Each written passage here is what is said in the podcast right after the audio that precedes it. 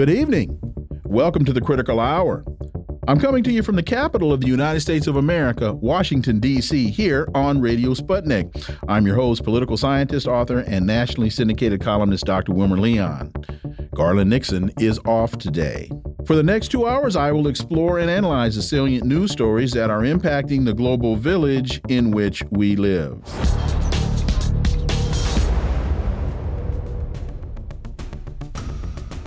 TASS reports Kremlin rules out return to grain deal at present moment. Dmitry Peskov added that President Putin made it clear that Russia was ready to immediately resume the deal as soon as it is executed. For insight into this, let's turn to my first guest. He's a Moscow based international relations and security analyst, Mark Sleboda. As always, Mark, welcome back. Dr. Leon, thanks for having me. It's always an honor and a pleasure to be on the critical hour. So, the grain deal, which provided for the safe export of Ukrainian grain across the Black Sea and created conditions for the export of agricultural products and fertilizers from Russia, was concluded on July 22nd, 2022 in Istanbul. Since then, it has been extended several times. On the 17th of July, Russia refused to continue participating in the initiative since the other parties did not fulfill their obligations in that part of the agreement that concerned the supply of Russian products to the world market. President Putin assured that Moscow could resume the deal if all the promises made to it were fully fulfilled. And Mark, this story, as I have looked through various uh, international media sources over the last two days, this has been a very big story. Can you explain why?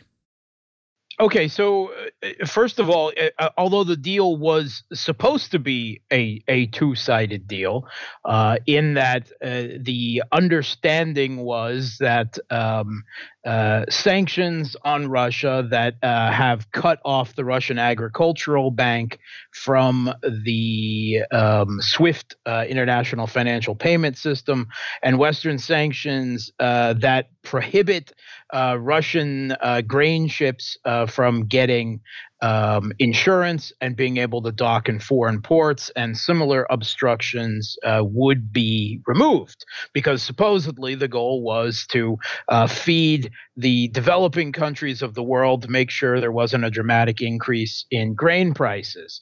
Um, but uh, it, it appears that that actually wasn't the goal of the of the grain deal because none of that happened, despite Russia being the number one source of both grain and fertilizer to the world. Whereas the uh, Kiev regime uh, in Ukraine is uh, was before the conflict number five. Um, so uh, it, it appears that that was false. Uh, so Russia allowed this continue to f- for some time before they ended this farce. Uh, more than anything, uh, the grain deal was uh, going to uh, China and European countries, uh, with only 3% going to the most needy countries, uh, and in particular going to Spanish ham pigs. To, as animal fodder. That's that's what the, the biggest single recipient of the grain deal was. Now the Kiev regime was pulling in five hundred million dollars a month through exports uh, with the grain deal. Uh, that is $6 billion a year, not insubstantial, an important source of hard cash for the regime, uh, particularly since almost the entirety of their con- country is uh, at the, the, regime at this point is funded uh, by Western taxpayers because of the tens of billions of dollars a year that are needed to support it. Um, and so I guess the Western taxpayers will probably have to pick up an extra $500 million a month now uh, you're welcome.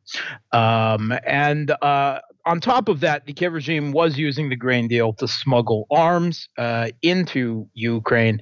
Uh, in particular, it was also uh, storing arms, uh, munitions um, in Odessa and several other ports that were viewed as protected uh, under the terms of the grain deal, and in fact was barracking troops and uh, Western foreign mercenaries uh, in the ports as well. Uh, so now that Russia has allowed the grain deal to expire, it has been pounding uh, Ukraine's ports, Odessa, Nikolaev. Um, uh, Chornomorsk, and most recently, one of uh, Ukraine's two ports off the Black Sea into the Danube River on the border uh, with uh, Romania. Reni and and I expect Izmail will be hit soon as well. They have also been used to export grain. They don't go through the Black Sea, uh, but the, more importantly, they have been used to bring munitions uh, and military vehicles in from elsewhere in Europe uh, up uh, into those ports and into that part of Ukraine uh, to uh, you know co- uh, coexist with the train supplies that are coming through Poland. so Russia has taken steps to to um, you know prevent this. This is obviously a legitimate military target, um, and the Kiev regime has has paid for. Um, well, not uh, insisting that the uh, conditions of the grain deal were met on behalf of its Western uh, patrons, uh, but also uh, dual use using those ports uh, to ship and store munitions and mercenaries and the like. right now, I don't see that it is at all possible, but Putin's words are mostly diplomatic. There is no chance of the grain deal being restored. There's no chance that the West will lift those sanctions or any sanctions on Russia. They don't even have the political ability uh, to do that. I mean, um, and they certainly don't have the desire to do so. Um, Russia, is, Putin is comfortable saying that. Um, and on top of that, even if in a fantasy condition the West were suddenly to fulfill all the terms of the deal, and actually it would also require the Kiev regime to rebuild an ammonia pipeline across Ukraine, which was supposed to be turned on back on as part of the deal. They blew it up instead, so it can never be turned back on. Um, uh, th- that's not going to happen. But even if they were, Russia has already done such significant damage uh, to uh, Ukraine's ports. Uh, that it would be very difficult to resume the grain deal without probably years of repairs to the ports at this point. As we look at uh, leaders from African countries meeting at the at the summit, the economic and trade summit, uh, is and and we also look at the BRICS meeting. Is this grain impacting the countries that are meeting? Uh, is, is, this is is this uh, issue impacting the access of grain for a number of the countries that are participating uh, in the summit? No, not at all. Despite uh, you know a Western hyping uh, that it would. First of all, the African countries know very well where they get their grain from, uh, and they know that the majority of it is coming from Russia. They know how little of it of this grain deal actually went to them. Right? You know, some three percent to the most needy, and most going to the EU and China as as part of commercial ventures. Which is why they have, as a whole, steadfastly refused to participate in West Western sanctions against uh, Russia. They understand the cynicism is at play here, even if the average uh, Western citizen, kind of brainwashed by the propaganda bubble surrounding the issue, does not. What's more, the economist you know, not Russian propaganda, uh, British propaganda, The Economist has actually reported that they're expecting that actually during the next year, even without any grain from Ukraine, prices for wheat and corn may actually come down. World wheat supplies are strong following exceptionally high exports from Australia and Russia, and a rebound in Canadian shipments after droughts disrupted last year's season. After falling for years, global stocks may finally rise in 2023. As for corn, used for animal fodder. Uh, Ukraine's shortfall may well be expected record sales from Brazil. Uh, so um, this is much ado about nothing. Uh, globally, it appears that Ukrainian grain just isn't that important after all. The Wall Street Journal reports Ukraine's stalled offensive puts Biden in uneasy political position. Administration's hopes that Kiev could negotiate with Moscow fade with slow progress on the ground. Mark, this is the Wall Street Journal, and I don't get it. Administration's hopes that Kiev could negotiate with Moscow. Well, hasn't the United States squashed or quashed or done everything in its power to prevent negotiations from taking? I think I seem to recall back in April after this thing started that Boris Johnson was sent to Ukraine by the United States to, to tell Zelensky under no circumstances are you going to reach a negotiated settlement with Russia. Well, I mean, that is the narrative that is kind of presented, but numerous Ukrainian officials have come forward and gloated how they pulled another one over on Russia, that they never had any intention uh, of committing to a peace deal. They were just stalling for time until they got guarantees of Western military support, but that they were never serious about it as well. They think they hoodwinked Russia with it and got Russia to withdraw its forces from around Kiev um, just like they did with the Minsk agreements for nine years. So I, I don't think there was ever really any chance for that uh, with this uh, regime. Um, I, I think the the hope of of of the U.S. was well, certainly from the beginning, they hoped that Russia's economy would collapse, and then they hoped that their arms and supplies and training and funding would magically uh, uh, rejuvenate and and manufacture wholesale a whole new Ukrainian army capable of defeating Russian uh, forces in the battlefield, uh, or that some kind of political cracks in Russian society and politics would force Russia to end it. None of that has actually happened. Uh, with this offensive, it is clear that. Uh, I think that the, the Biden administration knew that that well the Crimea and the Donbass are a lost cause, but they hoped that if the Kiev regime was un, uh, uh, offensive, was strong enough to make significant gains in the south, uh, in Kherson and Zaporozhia, they thought they were still in play, that they could force uh, Russia to accept the loss of those in in peace nego- uh, uh, negotiations that they would then push after Kiev's successful offensive. Well, there is no successful offensive, and even if there was, I don't think that Russia would be inclined to talks at all. They're very insistent from the beginning that only not only are they standing by the goals uh, that they set out, but they've actually increased it uh, uh, already to include Kherson and Zaporozhia as well. And numerous Russian officials, including the foreign minister and the uh, f- the former president uh, and prime minister Dmitry Medvedev, have both started talking numerous times about regime change now now being the end goal in Ukraine. Uh, so um, I, I don't see that Russia would have gone to the negotiation tables as well.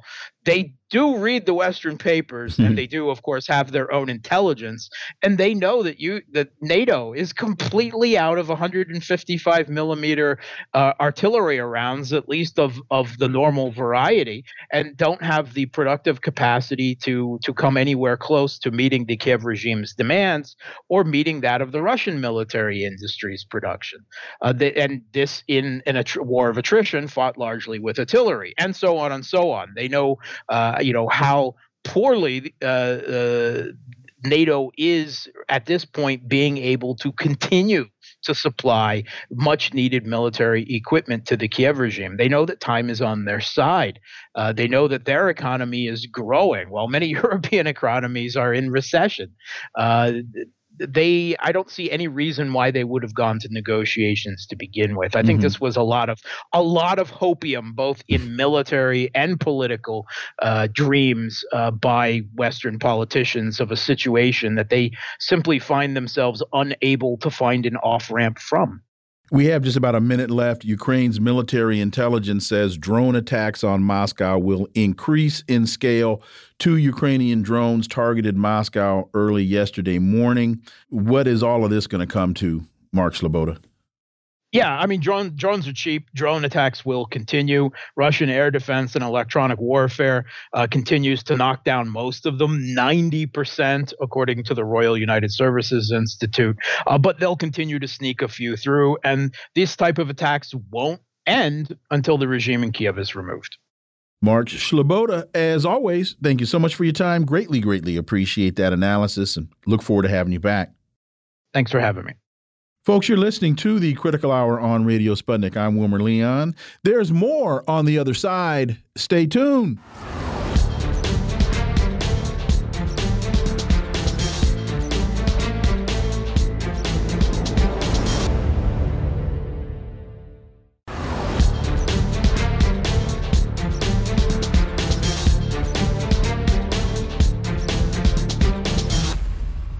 I'm back, and you're listening to the Critical Hour on Radio Sputnik.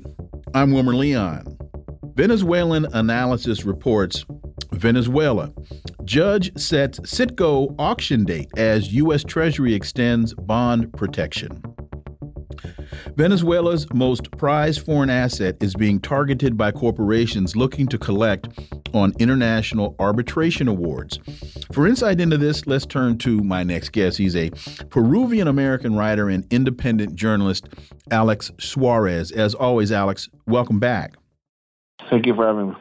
I find this as as Joe Biden loves to tout uh, democracy and sovereignty and all of these ideals that he loves to tout. This one I find to be incredibly, incredibly interesting. Delaware District Judge Leonard Stark has determined that a court ordered sale of Citgo of, of shares will begin on the 23rd of October. Venezuela's U.S. based oil subsidiary faces the possibility of being broken up to satisfy claims related to international arbitration awards in favor of multinational corporations. Stark's decision came after dismissing a last ditch attempt from ad hoc authorities appointed by the Venezuelan opposition to delay the process.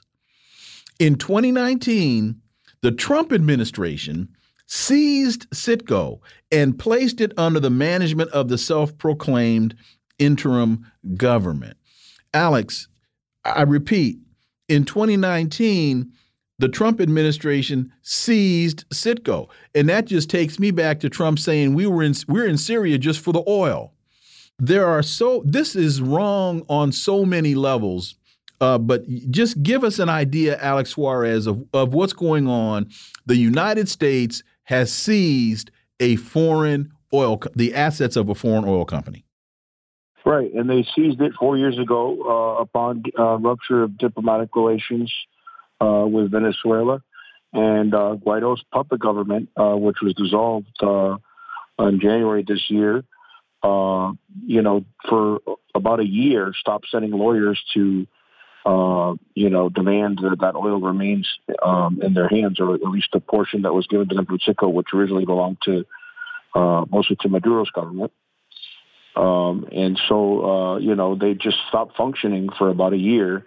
Uh, I mean, they never functioned as a real government. It was a, a public government. Um, but yeah, they, they didn't even like, you know, keep paying their lawyers to show up. You know, they just pocketed, um, you know, a lot of the money uh, they were getting through the United States.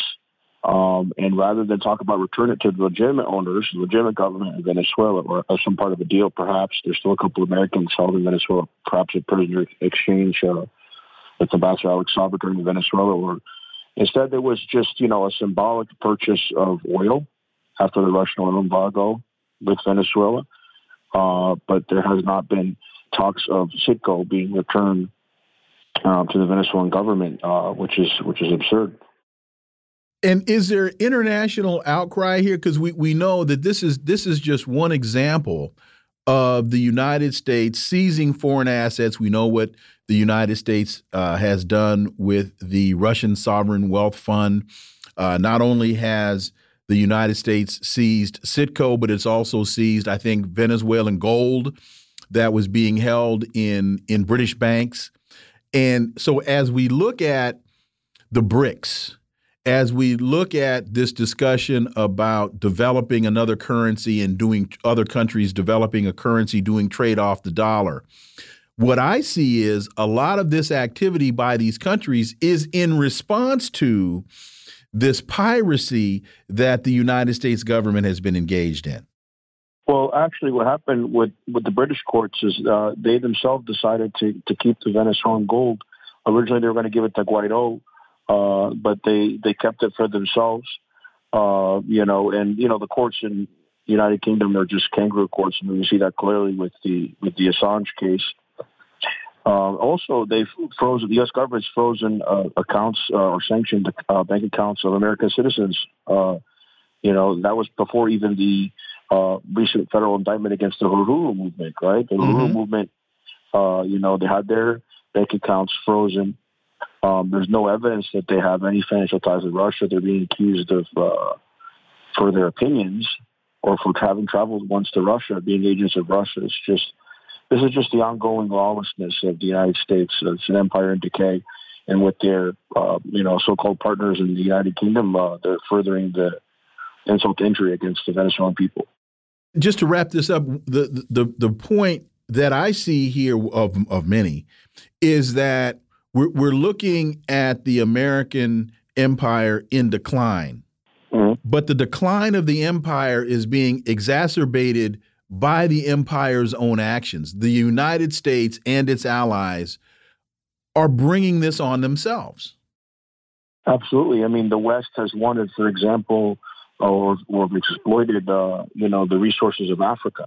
They've always wanted access to to the wealth of Africa and, and their resources. Um, and now Africa is doing business with Russia and China and Latin America.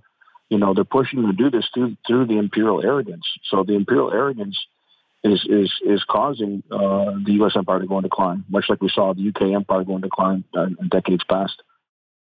Switching gears, uh, The Guardian has a piece What happened in Spain's snap general election? Expected coalition between Conservative People's Party and far right Vox did not materialize. So, what happens next? Pretty much the opposite of everything the pollsters and pundits had predicted would happen.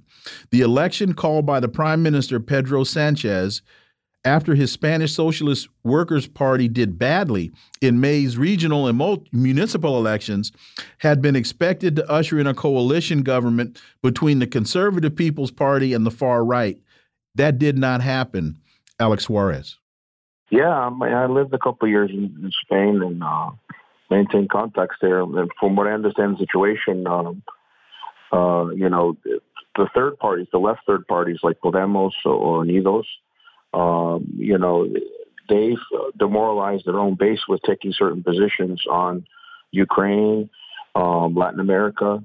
They haven't acted as, as leftists. You know, they've they've tried to compromise with the center left party, with Pedro Sanchez's party, and as a result, a lot of people on the left didn't turn up to vote, and the right has the upper hand, although they don't have full control yet. Uh, you know, it's a parliamentary system, but that's uh, more or less what I understand the current situation. And Orinoco Tribune has a piece. Peru, police crack down on demonstrators amidst protests against Boluarte government.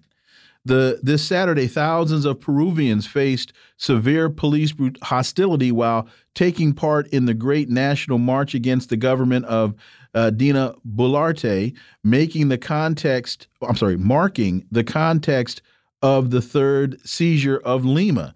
The demonstrators convened at various locations across Lima, including uh, Dos de Mayo and uh, Bolognesi Square.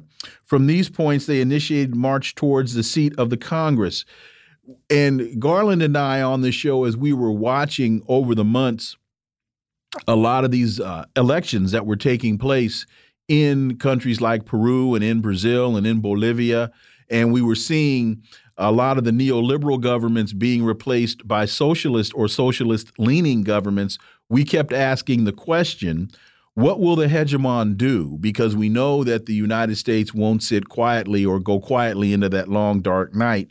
And now we see uh, coups taking place and clashes between the as the as the socialist leaders have been removed or are being removed we're seeing clashes between the puppet government supported by the United States and the indigenous people of these various countries. Absolutely. I mean, you see the DNA of the United States all over this coup uh, that installed the Boluarte regime. And you see with the recent peaceful protests, uh, there's a lot of footage from it, uh, particular in the San Martin Plaza um, in Lima. Uh, you know, you see indigenous women being assaulted, uh, people being tear gassed. Uh, these are peaceful protesters demanding the return of a legitimate governor, Pedro Castillo, and new elections. Um, you know, these are largely indigenous people, campesinos, farmers from the countryside, supporters of Pedro Castillo. And, you know, when these protests were first emerging, I'll never forget that image of uh, indigenous woman with a slingshot against a U.S. helicopter gunship. That really happened. You know, so, something like uh, David versus Goliath, or that image of the Palestinian child with a slingshot against the as U.S. supplied Israeli tank. Um, you know, and these protests are ongoing now um, since the coup, you know, has been in place for several months, and Pedro Castillo is still being held in a Peruvian jail. And the United States is sending its military into Peru, training uh, the Peruvian defense forces. And we know what happens in countries when the United States sends in quote unquote advisors as well as members of the U.S. military. It's not good. It doesn't bode well for for the regular folks in the country. Yeah, the advisors, what they mostly do is train, right? So uh, some of them train in, in torture methods or anti-guerrilla methods, much like you saw with the Rangers that were trained by, by so-called U.S. advisors in the 1950s in Bolivia who captured Che Guevara. Uh, you know, so these advisors, they're doing a lot more than just advising. And there's another interesting piece in consortium news. This is from El País. CIA spied on Ecuador's former president. Security company UC Global SL spied on Rafael Correa after he left office and passed information about his private meetings with several Latin American leaders to the CIA and his successor, Lenin Moreno. America's hands is in it again. And we also know yeah. that they were spying uh, on Juan Guaido, not Juan Guaido, they were spying on uh, Julian Assange as well. Absolutely. Uh, you know, UC Global, which is a Spanish company, has worked in cahoots with the CIA, and it was revealed uh, about a year ago that they were listening in, um, the extent of how they were listening in on conversations between Assange's attorneys in the Ecuadorian embassy. But this is new information against the, uh, you know, former president of Ecuador who gave asylum to Assange, Rafael Correa. And how the CIA fixed things is that the, the right wing guy that was running against Lenin Moreno. Lenin Moreno supposedly is a centrist. Um, he said he was going to expel Assange from the embassy if he won. But even though Moreno won, within a few months, he went ahead and did the same thing because he was working alongside the CIA and spying against Correa with the CIA and with UC Global. We know that now. So that's a major scandal. And how is that? How is that major scandal uh, now playing out in Ecuador? Well, there's presidential elections going on right now. Um, I believe her name is uh, Luisa Gonzalez. Um, she's the candidate backed by Rafael Correa. Um, she's in the lead. Um, so if she is able to be elected, it's it's probable that Rafael Correa will be able to return from exile in Europe, and there could be prosecutions against Lenin Moreno and others involved in, um, you know, in this treason, really working with the foreign power to spy against their own head of uh, head of state, the former head of state. And as we uh, factor in Julian Assange into this, it's important for people to know that he was in he he was being protected as he was in Ecuador's embassy, and there was uh, a point in time when it was thought that he would be that he would be given uh, asylum in Ecuador, and now we understand the machinations of the CIA and what was behind all of this contributes greatly into why he was never able to make it to Ecuador. Not only that, they were spying on Assange's children, and they were trying to spy on uh, Rafael Correa's children who were studying in Europe. Uh, you know, this is this is the extent of what they do. You know, they they go after, you know, the family of of the of these leaders. Of, of you know, so they luckily, finally, one of the UC Global guys felt bad and reached out to Correa and told him what was going on. And he fired them. Otherwise, they would have went after his daughters as well. But uh, you know, that's the extent of this. This is a this is a major scandal that should be getting a lot of attention. Alex Suarez, as always, thank you so much for your time. Greatly, greatly appreciate that analysis. I look forward to having you back. My pleasure.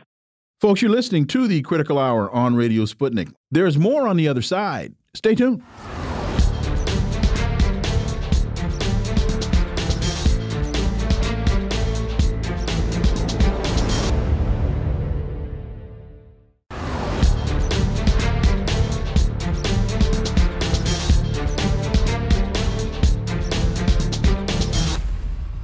We are back, and you're listening to the Critical Hour on Radio Sputnik. I'm Wilmer Leon. Mint Press has a piece by Alan MacLeod entitled How a Notorious Georgia Army School Became America's Training Ground for Global Torture. Fort Benning, the infamous Georgia U.S. military base, is once again in the news, changing its name to Fort Moore, thereby ditching its Confederate name. Yet, none of the media covering the rebranding, not the New York Times, the Associated Press, CNN, ABC, CBS News, USA Today, nor The Hill mentioned the most controversial aspect of the institution. What is that controversial aspect? Well, for insight, Let's turn to my next guest. He's an independent journalist and author of three books The Frozen Republic, The Velvet Coup, and America's Undeclared War. Daniel Lazare, as always, welcome back. Thanks for having me. So, Alan MacLeod continues across Latin America. The very name of Fort Benning is enough to strike terror into the hearts of millions, bringing back visions of massacres and genocides. This is because the fort is home to the School of the Americas, now known as Western Hemisphere Institute for Security Cooperation. A shadowy academy where around 84,000 Latin American soldiers and police officers have been taught on the U.S. dime on how to kill torture, and how to stamp out political activists. Your thoughts, Daniel Lazare. Well, it's it's really an extraordinary story. Um, uh, it's now what's now known as the Western Hemisphere Institute for Security Cooperation, or WHINSEC, uh, was formerly the School of the Americas, uh, which uh, under various names, uh, originated in the, in the, late 1940s and the early post war period, uh, and was used to train uh, soldiers from around the world in anti guerrilla activities, anti communist activities, uh, anti narco trafficking activities, etc. Uh, and this training quickly, you know, uh, turned into kind of training in favor of of death squad activities, how to run a good death squad. That's basically what you learned uh, in Georgia, um, and uh, they were used in, um, in in South Vietnam as part of uh, uh, Operation Phoenix, which was an attempt to to terrorize uh, local communists into, into, submission. It was then uh, used in Latin America uh, to combat um, any kind of left wing uh, insurgencies. And, and the word communist, by the way, is used extremely broadly so that anybody who disturbs the status quo in any, in any way is labeled a communist. It was used in Central America, um, Mexico uh, Haiti, uh, et cetera, et cetera. And it spread right wing terror because the school taught not only, you know, how to,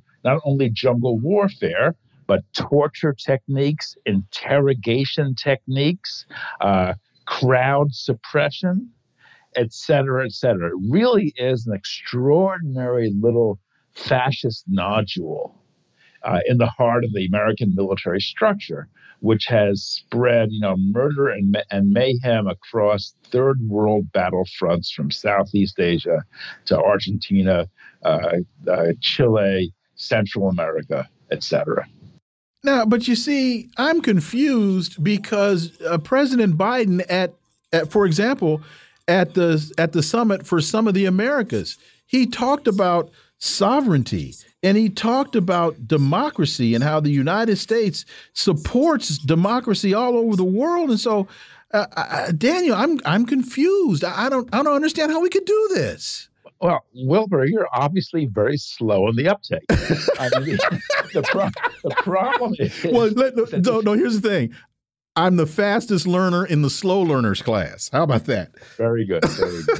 I mean, the problem is that that that this democratic rhetoric, you know, it masks a very dark underside and and things in and things in Latin America have n- not gotten any better because the drug war, which you know, which which supplanted the war on terror, which supplanted the war on communism, et cetera, et cetera, the drug war is wreaking just as much havoc.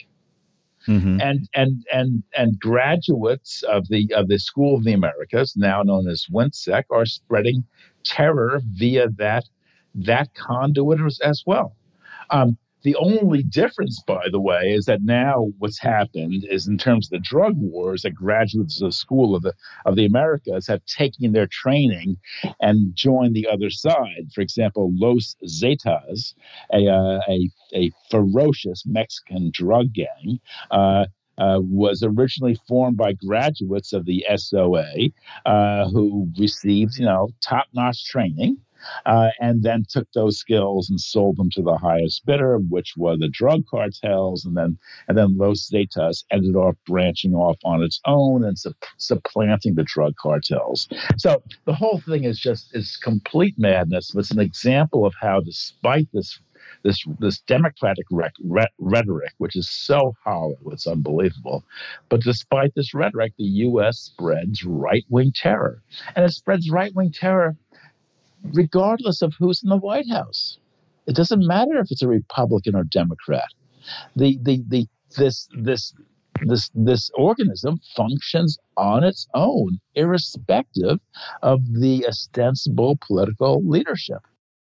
I'm glad you make that point because one of the things that we that we point out or we try to point out on the show all the time is domestically especially we, we try to put a lot of this stuff into the politics of personality and it really has nothing in many instances it's it's American foreign policy. It has really nothing to do with who's in the White House. What you're going to get is sometimes a, a prettier, nicer smile on American hegemony, but but the torture, the mayhem, and the devastation uh, is still uh, running amok.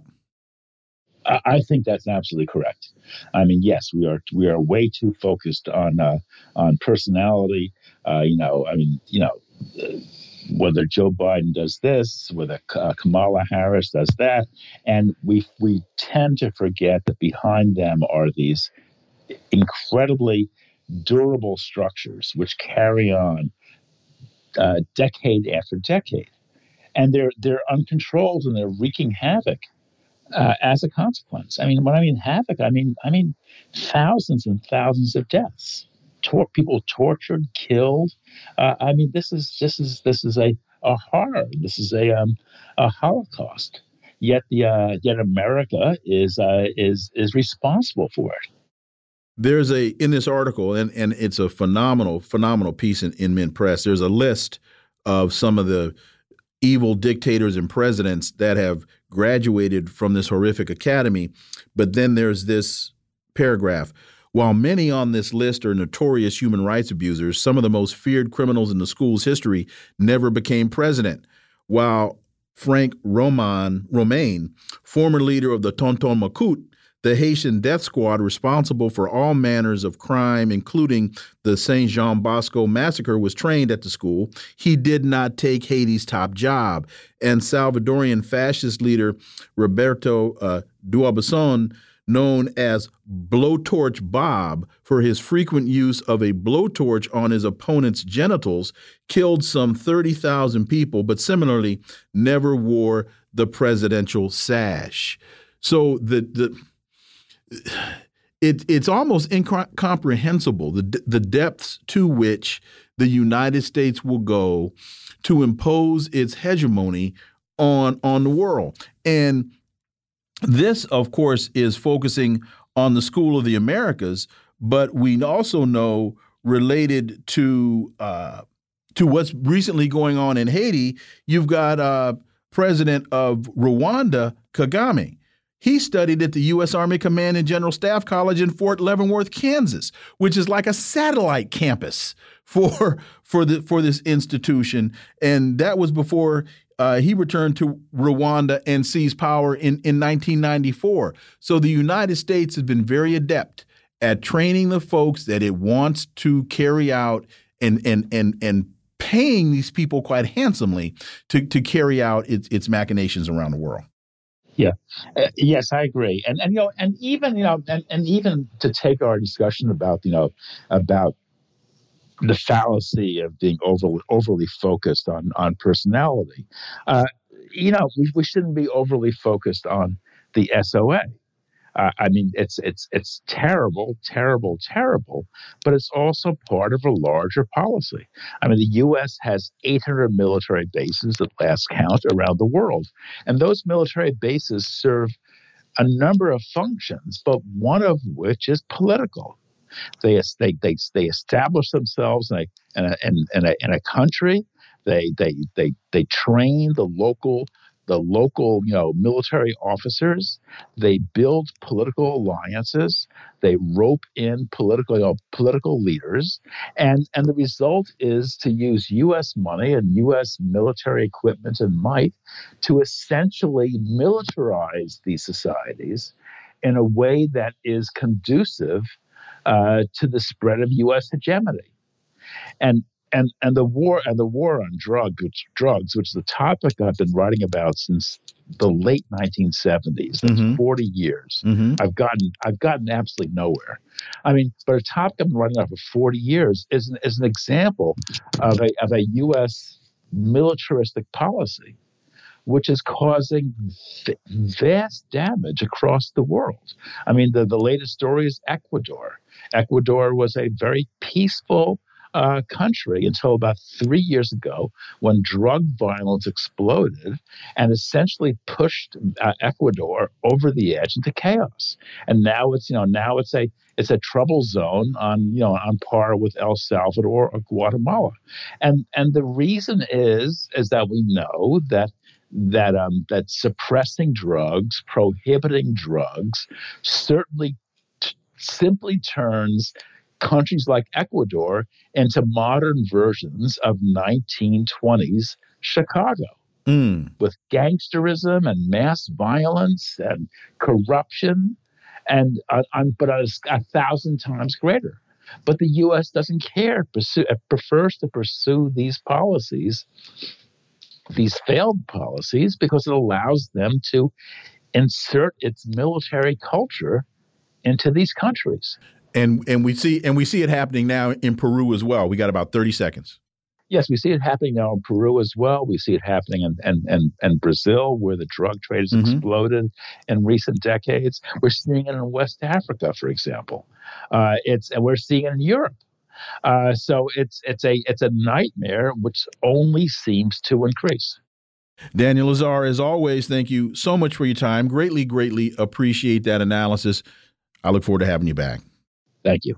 Folks, you're listening to the Critical Hour on Radio Sputnik. I'm Wilmer Leon. There's more on the other side. Stay tuned.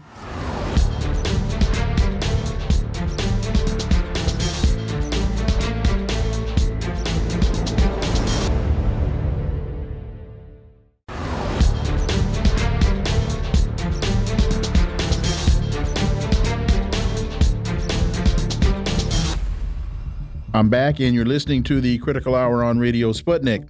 I'm Wilmer Leon.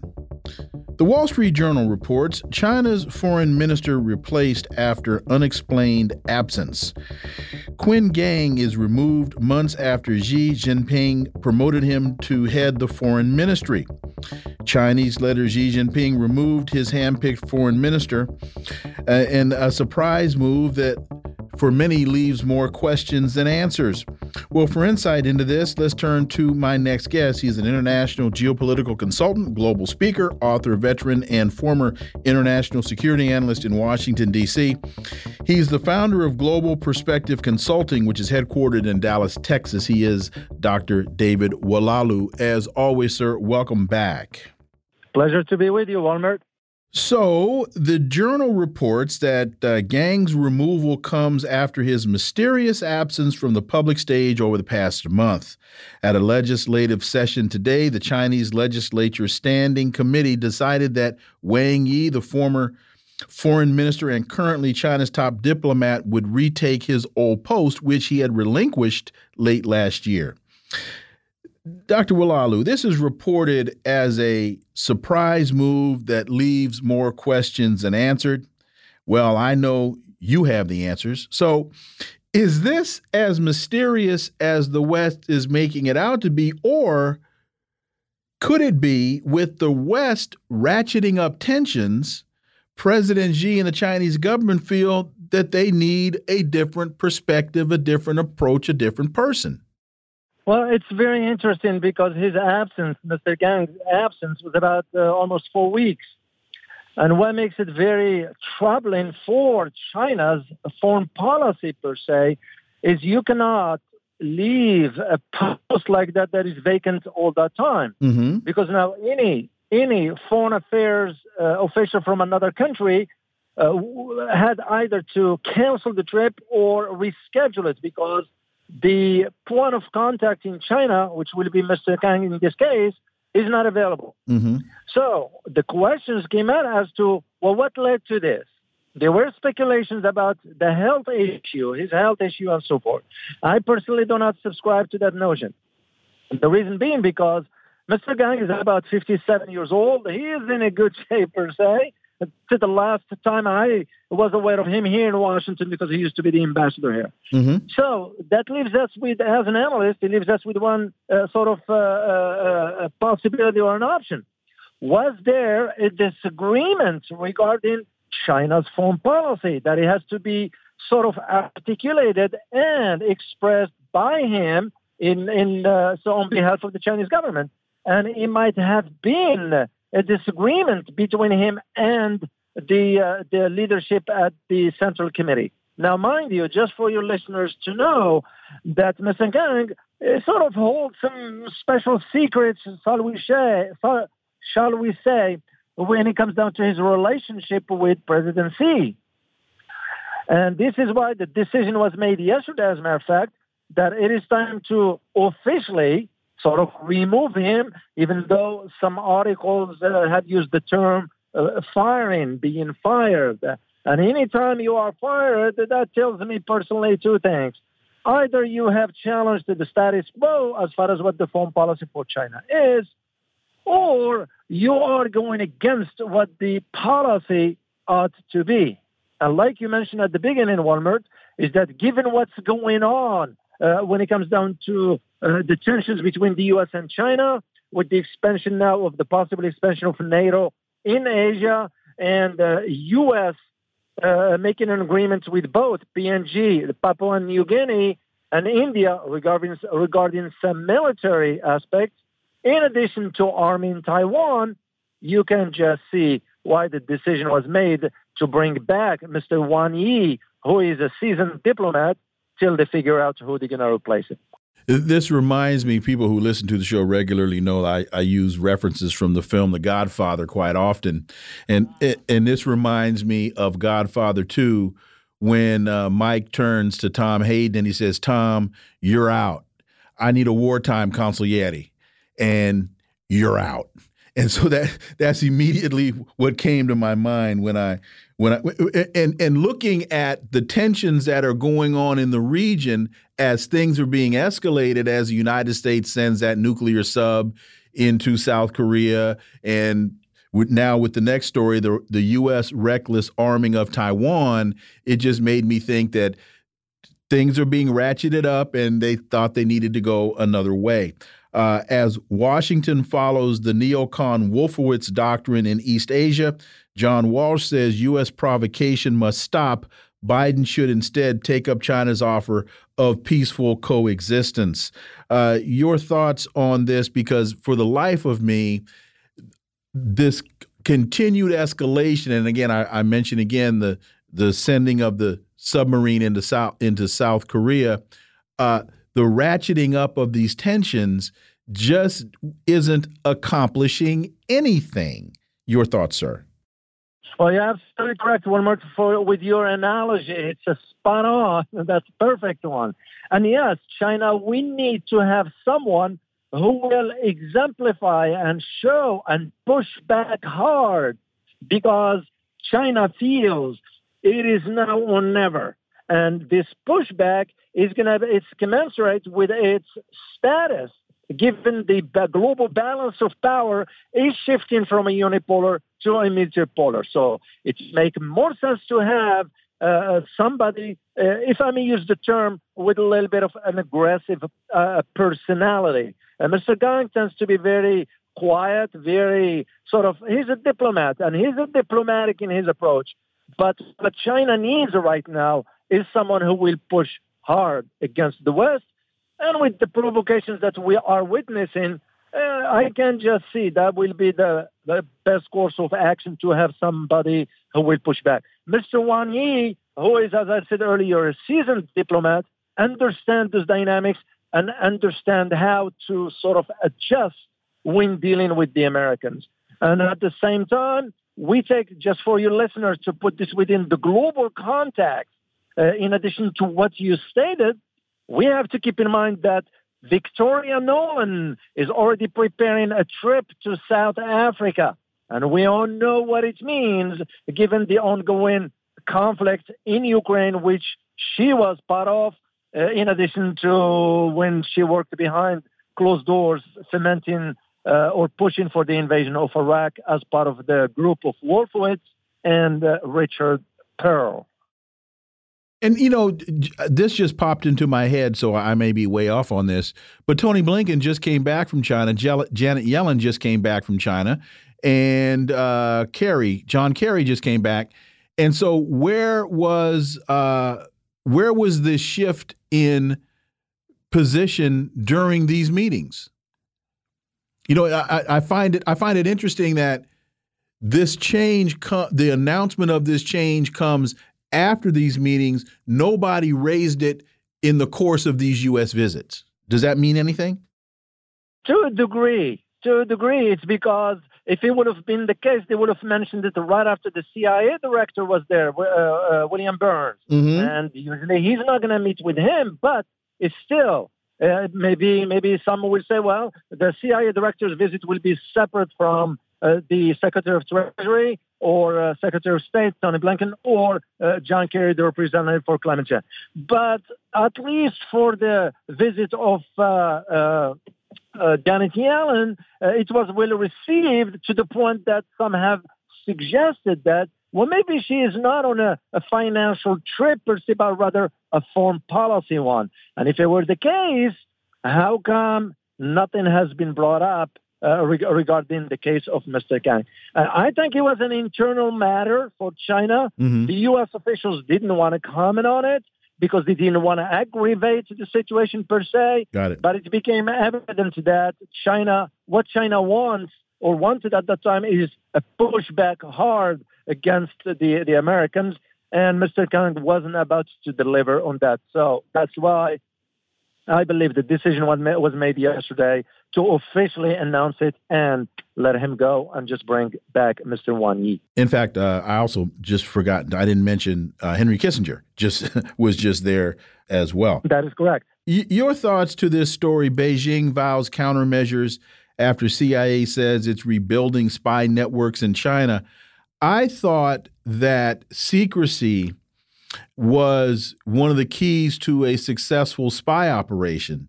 So, why would William Burns, the director of the CIA, come out and publicly say, oh, well, we're successfully developing spy a spy network within China? Uh, that to that to me seemed a bit uh, uh, counterintuitive and counterproductive. Well, actually, without getting into some classified stuff here, that's basically in the general term, and I'm going to talk in generalities here, uh, Wilmert, because I'm still bound by the law. It's the idea of softening the blow after what happened three years ago when a network of uh, U.S. Uh, sort of, uh, shall we use the term, double agents were uncovered. And uh, the outcome was very bad and so forth without detailing here because I'm still bound by it. Mm-hmm. As a matter of fact, I published an article a few years ago and I received a call from Washington to not uh, sort of detail much on that because it was off limits. So, mm-hmm. so the reason why Mr. Uh, Burns is saying this is to highlight the need for you know the operations in China are getting more are getting more complicated, and we need to sort of uh, build up this, but also to send a message to China that we will do what we need to do to ensure access to sensitive information and so forth. Uh, Chinese intelligence community tends to be very, very uh, uh, wired, very, very uh, sort of developed. Uh, they tend to be good at what they do. That doesn't suggest that we are not, It's just in comparison. For them and the Russians, the FSB, it tends to be the intelligence services that are very, very highly developed and trained and so forth. So, so it was odd that Mr. Burns will really disclose something like this because usually uh, the norm and the traditional the traditional path within the intelligence communities around the world. Yeah, you don't disclose this kind of. Uh, so it was an odd, very very off-cuff uh, statement per se. Uh, I didn't send you this story, but I know you're you're aware of it, and I, I did mention it just a, a, couple of minutes ago. The U.S. sending this nuclear submarine to South Korea. When we when we add that most recent development to this discussion about the U.S. reckless arming of Taiwan, uh, what are your thoughts on the sending what what I consider to be an incredible uh, provocation of the United States uh, doing this, and your thoughts David Oualaalou? Well, actually, Wilmert, I was aware of the story. As a matter of fact, North Korea went ahead and tested two ballistic missiles mm-hmm. uh, in reaction to that. And yes, it will be interpreted as uh, uh, U.S. sending the nuclear uh, submarine South Korea as a provocation. As a matter of fact, the U.S. requested from China to step in and put pressure on North Korea to denuclearize. I, what are they talking about? That, that, it's an illusion. China's not going to do that. As a matter of fact, the way I look at it, if there is to be a conflict in the region, North Korea is going to join in with China and Russia. This is the message that the recent maneuvers between Russia and China that's been conducted. And guess where? It was conducted in none other than Sea of Japan, not in the South China Sea, in the Sea of Japan. That to me is loud, a clear and loud message to the United States and Japan for that matter. And to the point, this is going a, a back a bit in history, but to the point of asking North Korea to denuclearize, the United States had an opportunity to see to it that North Korea didn't develop a nuclear program and the United States was it during the Clinton administration dropped the ball on that. We got we got 30 seconds. That is correct, and I recall the trip of uh, the, the then uh, Secretary of State uh, Madeleine Albright, and this kind of yeah, they dropped the ball because it, it was a way out, but we choose not to because we have to maintain the tradition mm -hmm. of prolonging conflicts. That's usually the, the bottom line to it. Dr. David Oualaalou, as always, thank you so much for your time. Greatly, greatly appreciate that analysis, and I look forward to having you back. My pleasure. Folks, you're listening to the Critical Hour on Radio Sputnik. I'm Wilmer Leon. There is another hour on the other side.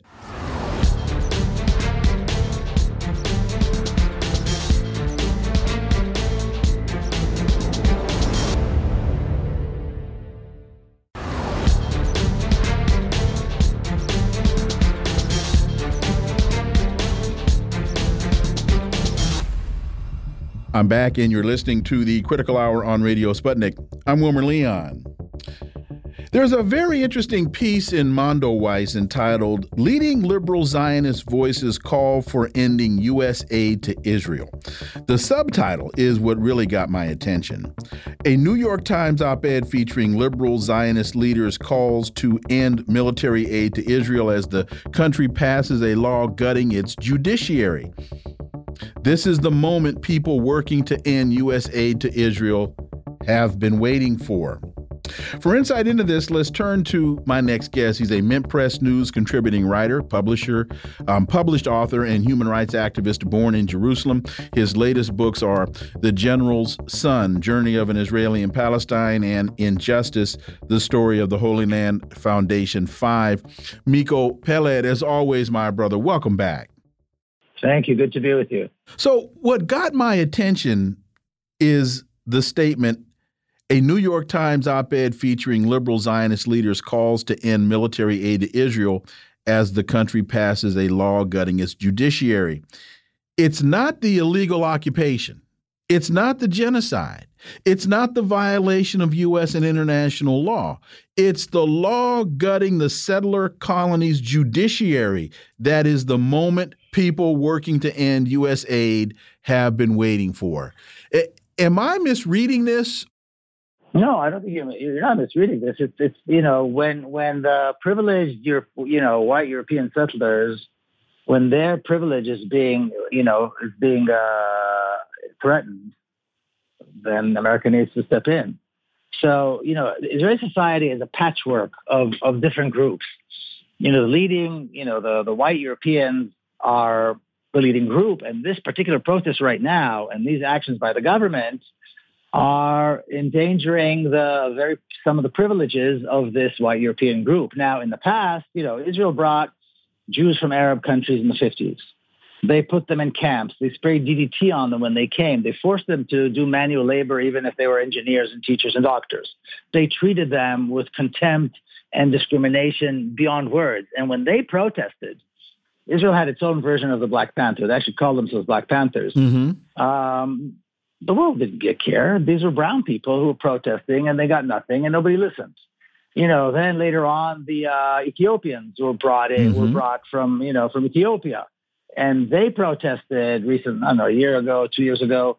They had massive protests against the stop and frisk policies, against the enormous discrimination uh, and, and racism that they face in all, you know, on all walks of life. You know, the blacks, so they're suffering, of course. Um, no, you didn't hear anything about this. Nobody talked about this. Martin Indyk didn't care. But now, the people in power, the people at the top of the social economic uh, structure, are protesting now. They're not hungry. Their lives are not in danger. Their livelihood is not in danger. Their homes are not being demolished. Nobody's kicking them, killing them, or anything like that. But there is uh, there is an erosion of their of their privilege. So of course, Martin Indyk decided to list the, to, to realize that maybe this rich country, which has a very high standard of living, doesn't need the largest aid package the U.S. is giving to any country in the world. Well, whoop de da, I'm glad Martin Indyk is finally paying attention. You know, there's a video out there of my dad while I was still alive in 1992 speaking here in the U.S., where he's speaking and he's telling the Jewish communities and he's telling anybody in the U.S. who would listen to stop sending money to Israel. Israel doesn't need it. Israel doesn't deserve it. It only encourages Israel to do more harm to the Palestinians. So this is the 1990s. Mm-hmm. He was just saying this even before this, but there's a video out there from 1992 on, on you know on YouTube and, and various places. And uh, you know, so all these decades later, Martin Indyk decided that he you know he would he would uh, join the party and, and call for this. But you know, the problem is not that Israel is demanding it. The problem is that America needs to be weaned of its obsession with Israel. That's the problem. Whether it's the churches, whether it's the politicians, whether it's um, you know well any elected officials really, not just the politicians in Washington, they need to be weaned of their obsession and admiration for this racist militant state called Israel. And these you know these privileged people are out in the streets. Um, you know they're out in the streets and they're protesting for what they feel is, is right, but they don't give a they don't give a, a, a you know a moment's thought to the suffering of other people, to the suffering of people who are not part of their social strata. And that's the problem.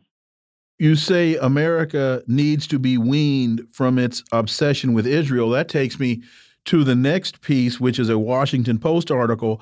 Biden wrestles with Israel's defiant turn to the right as the White House grapples with how to respond to Israel's judicial overhaul. The issue is personal for Biden and speak to that, particularly the aspect of this that it's it's personal for Joe Biden because as if my memory serves me correctly, when he was on the campaign trail, uh, he now he's always said I am a Zionist. He's been very very clear about that. But when he was on the campaign trail, he tried to give the impression that he was going to be more balanced as so many American politicians do. And what we find is all all we get from their balance is imbalance. Well, balance would mean that the U.S. start giving $3.8 billion in foreign aid to the Palestinians. That would be balance. Balance would mean that America would allow Palestinian nonprofits to raise, you know, again, untold billions to send to Palestinians, you know, the, the, that are in need balance would mean that uh, all the legislation, the pro-Israel legislation, the anti-Palestinian legislation, the Islamophobic attitudes, uh, you know, are all you know go by the wayside, and a new America and a new perspective about about Arabs and Muslims and so on uh, emerges. Well, I don't see that happening. That's you know the word balance has no meaning here, has no has no room in this conversation at all. Mm-hmm. America cannot possibly be balanced. America is contributing in the billions, in the billions and in and in massive arm arm sales to the problem. Balance means they, they would they would do they would give equal share to the other side, which of course they're never going to do. You know, the problem is once again Martin Indyk, and, uh, the, the Biden administration, all of these white, you know, so-called liberals care about one thing, and that's that the white liberals, privileged liberals on the Israeli side are happy. And right now they're not. Now they don't like the look of the Netanyahu cabinet. A lot of you know liberal Jews, a lot of liberal Americans don't like the look because these are ugly, you know, hate-filled, you know, the, the, the worst kind of racist racist thugs that you could imagine are holding very very high office and and wield a great deal of power. And people don't like that. They like the kinder faces, the faces that you know can convince you that murdering children in Gaza is an act of you know of, of self-defense. Um, and that's it. And that's why they're out there. That's why suddenly they care. Suddenly they care when some some. Uh, when did they ever care about any other segment of society within occupied Palestine, whether they're Jews or Palestinians? When did they care when the Moroccan Jews or the you know the Arab Jews were protesting? What did they care about about again the Ethiopians? When did they care about the the the God knows countless Sudanese asylum seekers that are now being thrown out? You know, when do they ever care about any of this? They only care when we're talking about white privilege when that is in danger, everybody is up in arms suddenly. You know, of course, the, of course, there needs to be a, stop to to the foreign aid, but it's not because Israel is demanding it. It's because America is demanding it. It's because American politicians don't dare to challenge the narrative, don't dare to challenge this this again this this this, this sick admiration for a state that is a military, militaristic, racist apartheid state. I want to read to you this this statement uh, that was in the in the Washington Post. It's unfortunate that the vote took place today. White House press secretary Karine Jean-Pierre told reporters in a gentle but unmistakable rebuke. Quote, it happened with the slimmest possible majority. While the U.S. Israel relationship remains strong, the core of that relationship is certainly on democratic values, shared democratic values and interests. And that will always be the case. End quote. If that isn't hypocrisy, BS, and just utter foolishness coming from Karine Jean Pierre, I, I don't know what is. How can the how can this be based on democratic values when the actions being taken are nothing but tyrannical and undemocratic? You know, the Israeli government just uh, just struck down a bill calling for to add an equality clause to this Israel's basic laws. Israel doesn't have a constitution, but they have this thing called basic laws. And so there was a bill calling to add a clause, an equality clause to it.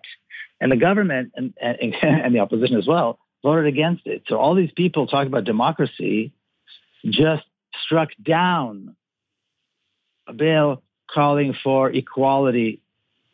What kind of, you know what I mean? What kind of democracy does that? You know, it's a joke. It's, it's never been a democracy, neither is the United States, actually, but that's a whole other issue you know, the shared values that they, they, it's, it's, true they are shared values, which is why why this uh, thick relationship exists between the U.S. and Israel. But these shared values are are values that are reprehensible. You know, it's it's racism, it's uh, ethnic cleansing, it's uh, it's apartheid, it's violence, it's expansionism, it's white privilege. These are the values that that that, that uh, Israel and the United States share, and and uh, and a um, maniacal kind of obsession with weapons and killing. These are the these are the things that unite these two countries. And again, I'll say it again: America is America needs to be weaned of its obsession with Israel. Otherwise, it's never going to stop. There's an op-ed in the Post, the ground is cracking under Netanyahu's feet. For months, Israeli Prime Minister Netanyahu was warned of the consequences. He was strongly urged to negotiate a deal over the proposal to emasculate the Israeli Supreme Court, a misguided power grab advanced by his far right coalition. Yesterday, the first part of the legislation was approved by the Knesset. It appears Netanyahu went over a cliff. What now? And it's interesting in in the parallel as Israel, the, the the the settler colony, is struggling with its Supreme Court, as the U.S. has a struggle with ethics and its Supreme Court. Just an interesting parallel. But Uh, your thoughts? Uh, is is the ground crumbling under Netanyahu's feet? So people need to understand the name of the game in Israeli politics is to stay in power, nothing else. Netanyahu had to pass this to stay in power. He's an indict, he's indicted. You know, the, the, the clause that was passed, the, the part of the judicial, judicial overhaul bill that was passed had to do with uh, removing the reasonability clause, which said that the Supreme the, the courts have a right to to strike down a policy or, or a decision by the uh, by the executive branch that seems unreasonable, like letting a person who sat in jail for corruption become minister or a member of cabinet, which is what what this is about. Aryeh Deri, who, who sat in jail for corruption, and the courts earlier prevented him from becoming a minister. Netanyahu wanted him to have a seat in the cabinet. Uh, will now be able to be a, mem- a member of the cabinet. This is what it's about. And of course, Netanyahu himself is also indicted and so on. So that's what it's about. It's about staying in power. Now Netanyahu can stay in power as long you know, as long as he wants. And this other side of Israeli society, the one that Martin Indyk is, is concerned about, they can protest all day and all night. They cannot change the rules of the game. And the rules of the game are that if in the Knesset you have 60 votes plus one, you are in power and nobody can remove you. And that's the name of the game. So Netanyahu needs this. He needed this to remain in power. It's not like he needed a compromise. He needed something else. He needed this to stay in power. That's why it passed. And the people around him, they like this. They are all made of, of lunatics. They're all racist, racist thugs and violent, uh, you know, racist, violent thugs. They don't want to do anything reasonable. They don't want to be limited to anything. Not when it comes to human rights, not when it comes to corruption. They want power. That's it. And today they are some very scary people in power. I'm not denying it. But Israel has always been a scary place. They've always had scary people in power. It's just the faces look different. The faces were somehow more palatable to the white privileged liberals in America. And so there was a good relationship. Miko Peled, as always, thank you uh, for your time and for your analysis. You you fit you fit me into a very tight schedule today, and I greatly greatly appreciate it. And as always, look forward to having you back. Pleasure. Thank you. Folks, you're listening to the Critical Hour on Radio Sputnik. I'm Wilmer Leon, and there's more on the other side. Stay tuned.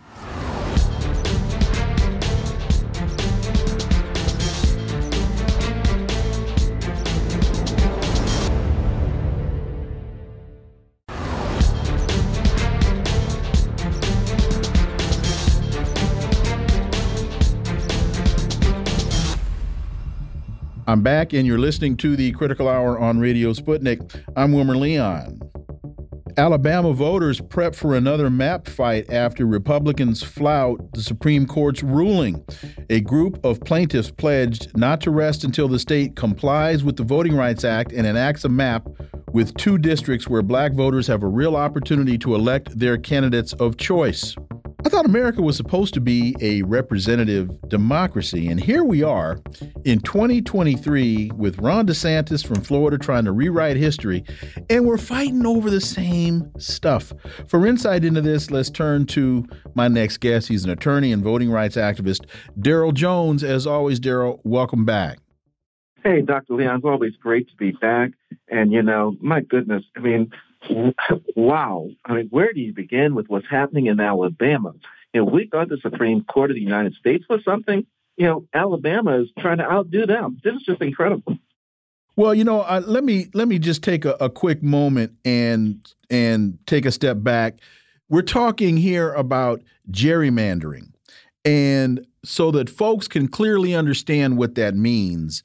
Gerrymandering is when a party manipulates the boundaries of an electoral constituency or a district so that they can favor one group, one party, or one class. And so, and let me also just let people know where the term comes from. It comes from Massachusetts around, I think, 1814 or 1812, when the governor, Gerry, hence gerrymandering, he created an electoral map to favor his own reelection, and the map wound up looking like a salamander, hence gerrymandering. I, I wanted folks just to have that that brief historical context and to get an understanding of how long this practice has been in play.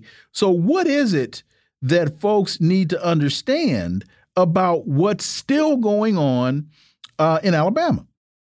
Wow, yeah, that's a that's a heavy question. And here's here's what's happening with this uh, gerrymandering case.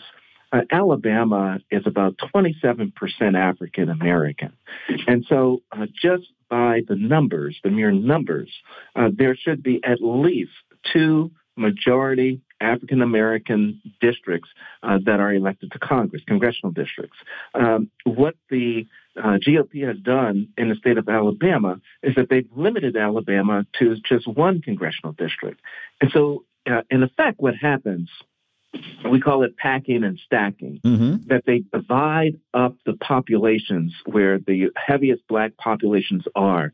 They water down that vote by putting districts around them and putting them in separate districts so that you don't have a majority of the black population in a position to be able to elect someone that represents their uh, particularized interests.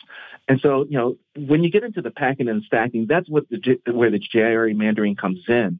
What happened in Alabama is that they had two uh, African American districts that, that they qualified for. The legislature there, during the redistricting process, uh, gave uh, provided for only one uh, African American or minority majority district in the state of Alabama, and that being Terry Sewell's district, which, you know, they also decreased the population there, black population. But at any rate, they took it to the Supreme Court, right? Evan Milligan, who was one of the people that lived there, took it to the Supreme Court, uh, uh, suing over the disenfranchisement of those black voters saying that, you know, it was violative of the Voting Rights Act of 65, that, you know, uh, black candidates who make up the majority of this area would not be able to represent the candidate of their choice, that they were being disenfranchised. Uh, the Supreme Court agreed. The U.S. Supreme Court agreed and said, you know, this is such an egregious case. You're absolutely right. There should be two majority minority districts that, that exist in Alabama. Well, the Alabama legislature received it back from the Supreme Court and, and basically said, you know, we're going to thumb our nose at you. We don't care what you've said, Supreme Court. We don't care that you uh, that you're saying that that this is a racist map and that it disempowers, disenfranchises the black residents. We're going to uh, draw another map because you've directed us to draw another map and you're still not going to get a second uh, congressional representative out of a majority minority district. We're going to uh, do one, do one at 40% African American, and we're going to take Terry Sewell's district and we're going to lower it down to like 50.6% or something like that. So this is what's happening in Alabama. I mean, it, it, it is the classic case of uh, of white supremacists that have a hold of power and they're not willing to abide by the rules, abide by what the Supreme Court has said. They said this we know Alabama better than anybody else, and we ain't gonna let y'all have a second district. That's what this is all about, Doc. And this is just a, well, it is Alabama. I mean, so you know, George Wallace uh, lives on, and um, but but but with, with that said, this is just one tool of a number of tools that are being used, and I would, and if I'm wrong here, please correct me, predominantly by Republicans to disenfranchise to continue the disenfranchisement of black voters. And people need to understand. In in in, in Alabama is a perfect example. Yes, people are granted the right to vote. They are able to go to the polls and cast a ballot. But because of the way that the maps are drawn, the vote is almost a wasted effort because the outcome of that vote is basically predetermined. Yeah, no, uh, that that's it exactly. In essence, you know what ends up happening in states like Alabama and the and the way that they're drawing the lines as to you know uh, what districts exist is that you have the legislatures selecting their constituents rather than the constituents hmm. electing their legislators. And, and, and that's the problem. Say here. that again. And what, Say that again, so, please. Yeah. So, so what you have happening in Alabama in situations like this is that you have the legislators that are selecting their constituents by drawing the map. The, by drawing the map, rather than having the citizens electing their legislators. Because they don't have the power to do it because they, they, they don't have the the numbers. They, they're, they're breaking up the communities so that the community that would ordinarily vote for a particular person that represents their interests they don't have the ability to do it because they're not in that district.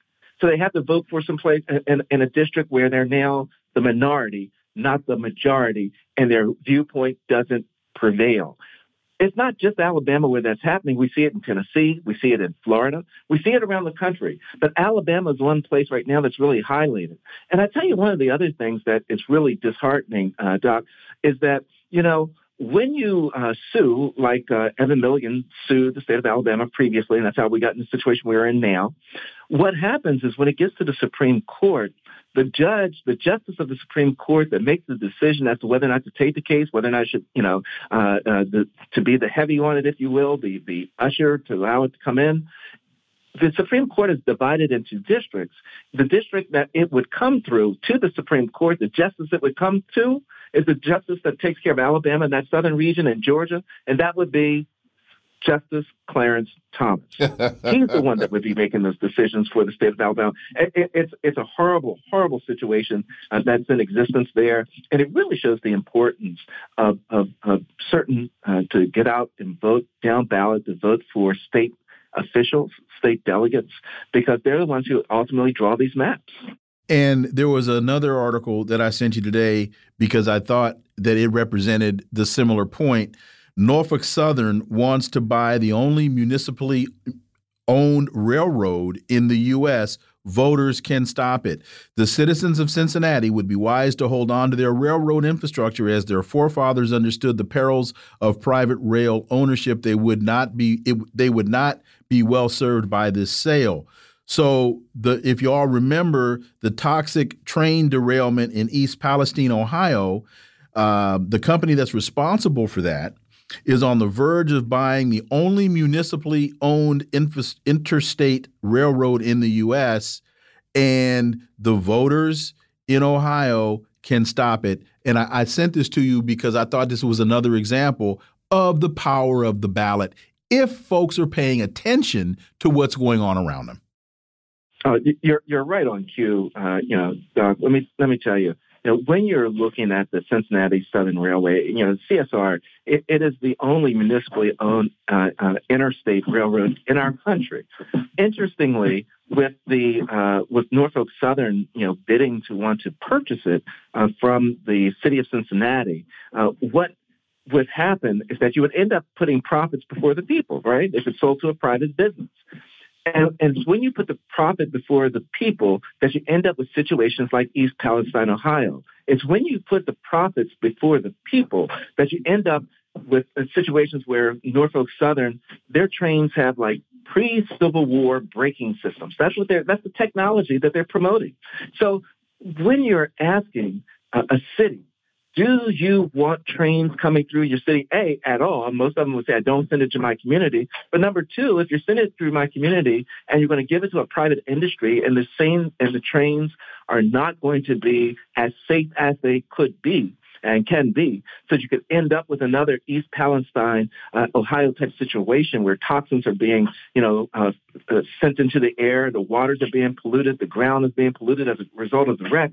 These are the things that, that the folks of Cincinnati are looking at. And that's before we even talk about uh, the money, the future money that would be lost by the city, uh, by the city of Cincinnati by selling off its, its railway. And who is going to benefit from the profit from this sale? And the question is, will it be the everyday citizen in Cincinnati? And I argue that that will not, that is not what's going to happen.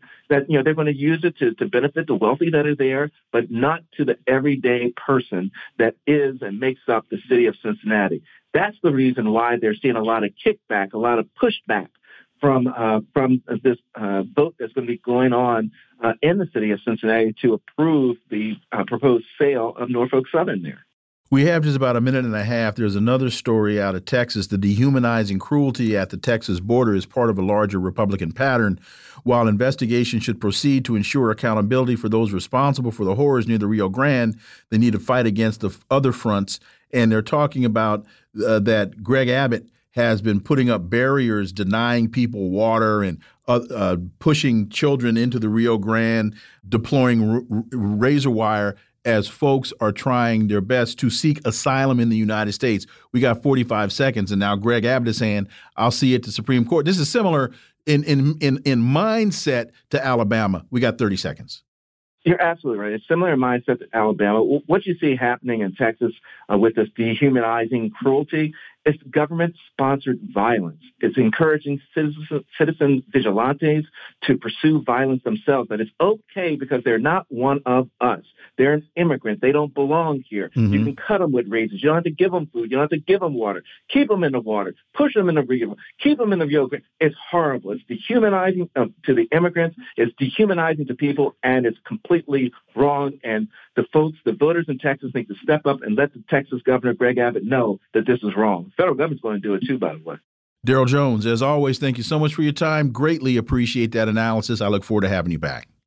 Thank you so much, Doc. Looking forward to it. Folks, you're listening to the Critical Hour on Radio Sputnik. I'm Wilmer Leon. There's more on the other side. Stay tuned.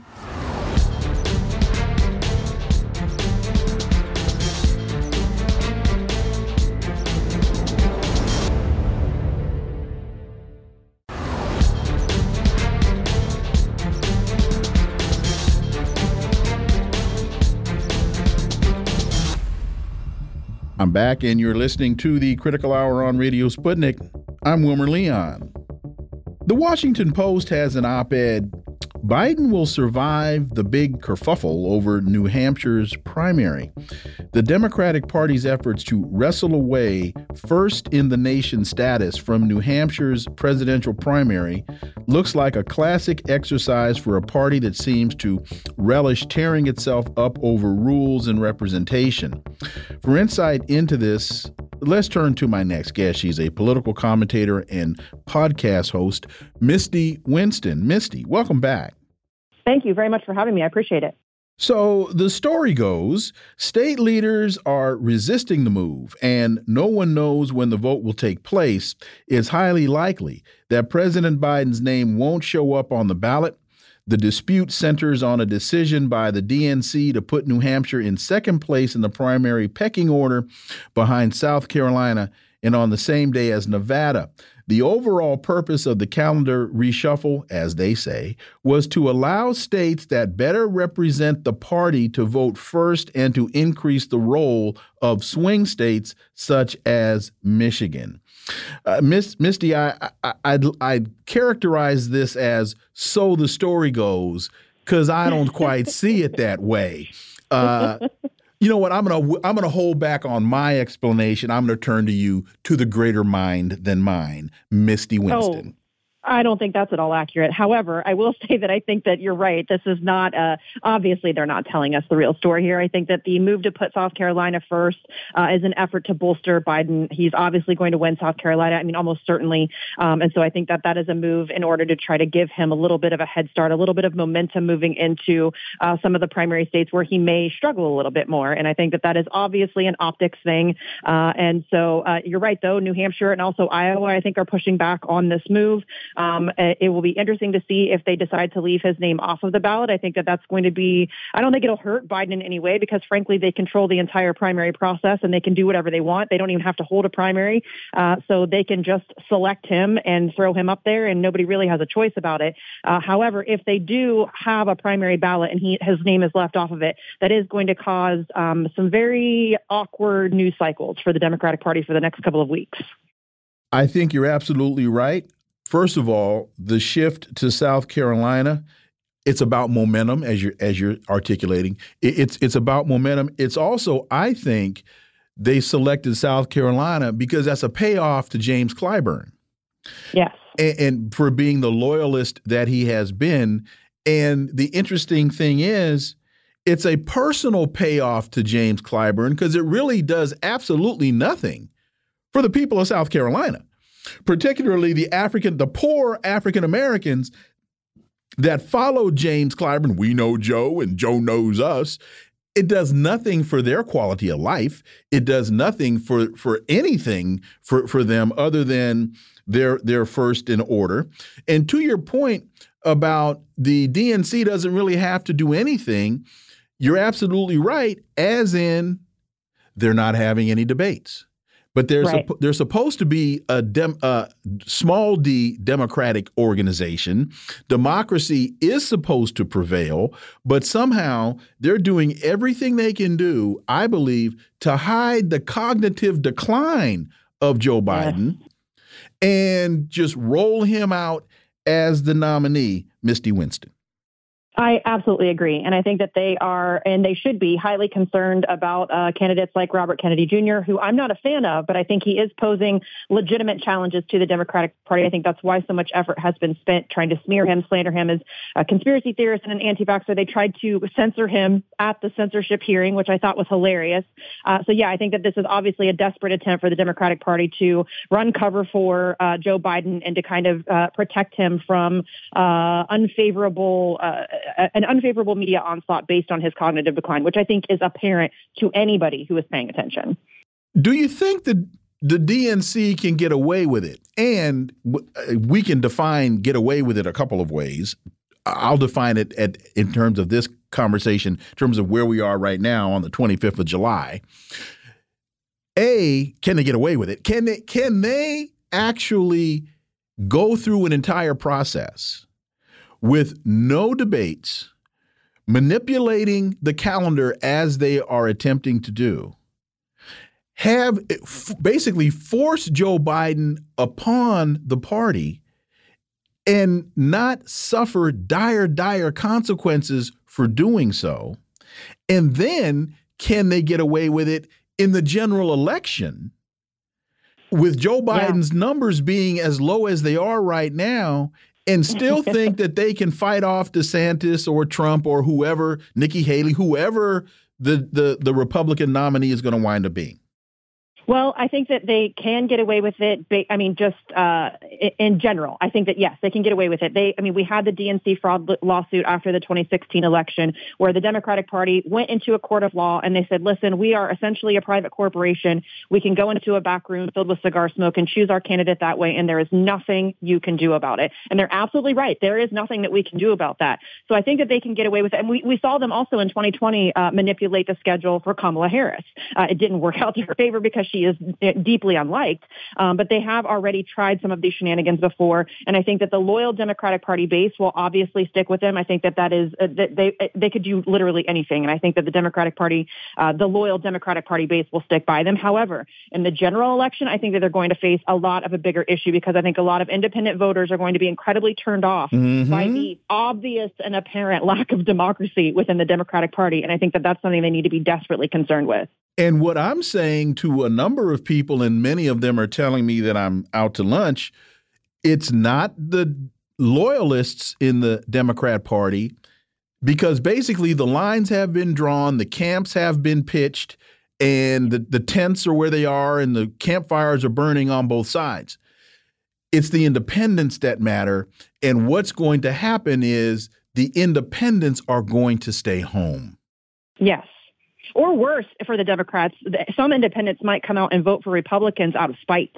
Uh, I think okay. that there is a very good there's a very good likelihood that there are going to be some uh, independents who, just as a way of getting back, kind of a protest vote, if you will, which I don't think any vote is a protest vote, but uh, it, it, kind of a way of just kind of throwing it back in their faces that okay, you don't want to run a fair primary, you don't want to have actual democracy, we're going to go vote for Republicans and see how you like that. And I think that that's I think there are a lot of people who may do that. I think you're right. Most people will stay home, but there are going to be a certain percentage of people uh, who go out there and vote for Republicans just because. And, and final point here when you have a candidate who's struggling with his or her numbers to the degree to which both Biden and Harris are, stay home is the formula for failure because yes. it, it's one thing if if Joe's hitting 60%. Okay, then you can you have some cushion for folks to be frustrated with you and stay home. But when you're struggling to hit 45, yeah. You need every vote. You need people to bring their dogs and cats to the ballot to the to, to the poll. You need you need Fifi and Fido. You need every oh you need all hands on deck. Yeah, yes, you're absolutely right. And I think that that is uh, something they're definitely going to contend with, regardless of even if they hold a primary. If Joe Biden is selected, they're going to deal with, they're going to have to deal with a really unmotivated and uninspired uh, voting base. And that's, I, I, I just don't know that they can overcome that at this point. Okay. All right. Next, uh, next issue. New York Post reports Hunter Biden put then Vice President Dad Joe on the phone with business associates at least two dozen times, and this is according to his ex-business partner uh, Devon Archer, who, by the way, is on his way to testify before the House Oversight Committee and we must say Devon is facing jail for his role in a $60 million bond fraud. Uh, what say you about this story? This really now seems to be the battle of the indictments. Uh, right? no, it really does. It really does seem to be kind of this uh, uh, this push and pull of uh, you know both Donald Trump and Joe Biden facing uh, serious court issues. I think it's interesting to me. The most interesting thing about this is watching the way that the media coverage is uh, playing out, seeing mm-hmm. how differently they're covering the story of Trump's indictments than they are of the story, and frankly, they're hiding a lot of the stories of these uh, indictments or these potential court issues and all of these testimonies, all these whistleblowers that are coming forward. This one's certainly interesting. Obviously, this guy has his own legal issues. I don't know if that will damage his credibility uh, in the court of public opinion. Uh, it probably will. It likely will. It usually does. Uh, but I do think that he has an interesting perspective, given that he is a longtime uh, friend of Hunter Biden. He knows the Bidens very well. He has for many, many, many years. Um, so he definitely has an interesting perspective, and the things that he is going to be testifying to are pretty damning. I mean, it's it's still kind of it's still a little muddy. We don't really know exactly for sure what Joe Biden knew, but frankly, just in my own personal opinion here, uh, I think there's absolutely no way that Joe Biden did not know what was going on behind the scenes with Hunter Biden, the way that he was being used as leverage for Hunter Biden's business dealings. But that's just my personal opinion. We will see if they'll be able to have any evidence for that in court. And those who want to push back on this might say, well, there's no direct evidence. There's only circumstantial evidence, as in, as in this story, they say that that Hunter is with these Ukrainian business people at the Four Seasons Hotel. One of them asks about his dad, and he said, "You know, can you get your dad on the phone?" And uh, he gets his father on the phone, and then they say that Joe engages in this very vague conversation. But folks need to understand you got a lot of people sitting in prison based on circumstantial evidence. In, yes. in, in fact, I think uh, it's been a long time since I sat in, in class in law school, but I think I remember in criminal law them saying Usually, in criminal cases, there's more circumstantial evidence than direct evidence, and people get convicted on a lot less.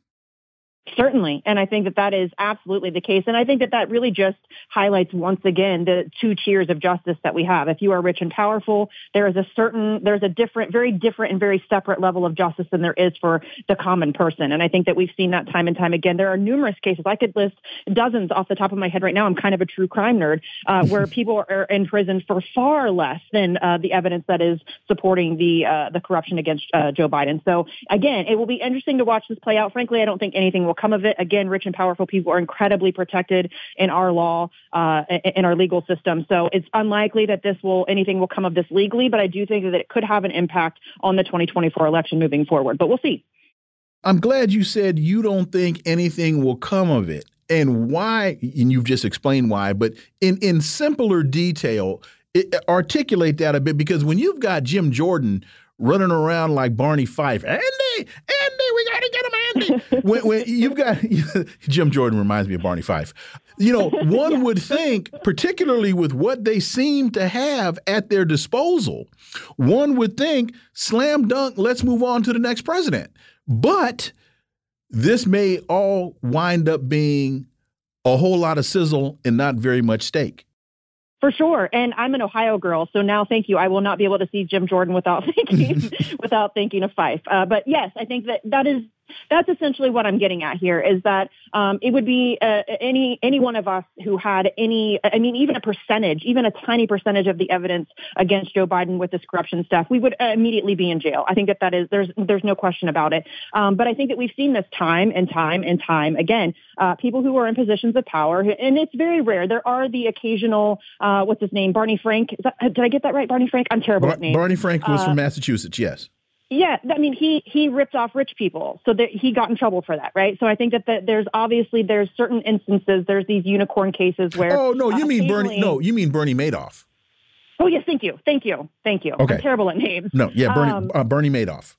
Yes, but you know, in that situation, he ripped off rich people, so he, there was obviously accountability that needed to be had. But generally speaking, uh, it's not always the case. But generally speaking, those in, uh, in positions of great power and wealth uh, get away with this stuff, maybe with a slap on the wrist, or maybe some you know social sort of stigma or whatever that surrounds them. Uh, but generally speaking, there is no accountability on these issues, and I think that there's no reason why we're going to see this be any different, especially given the way we are seeing uh, the media kind of run cover for Joe Biden and cover these issues up up on a host of or on various in various different ways. Uh, so I think it's unlikely that he's going to see any real legal accountability. So in the 30 seconds we have left, so what what I what I take away from what you're saying is uh, the Jim Jordan slash uh, uh Barney Fifes of the world. They they they want to damage Joe Biden. They want to weaken Joe Biden. They want to remove Joe Biden, but they don't want to convict Joe Biden. Yes. Yeah, I think that that's really about it. I think that we're seeing those kinds of uh, situations come up in, in, in, numerous different ways. We're seeing a lot of noise being made, and I think it's uh, it, it's really about appearances. I think Republicans mm-hmm. want to be seen as going after them, mm-hmm. but they don't actually want there to be any count because they're guilty of uh, very much the same things. I think uh, in many cases. So yeah, I think it's really just a lot of bluster. Misty Winston, as always, thank you so much for your time. Greatly, thank greatly you. appreciate that. Thank you. We look forward to having you back. Folks, you're listening to the Critical Hour on Radio Sputnik. There's more on the other side. Stay tuned.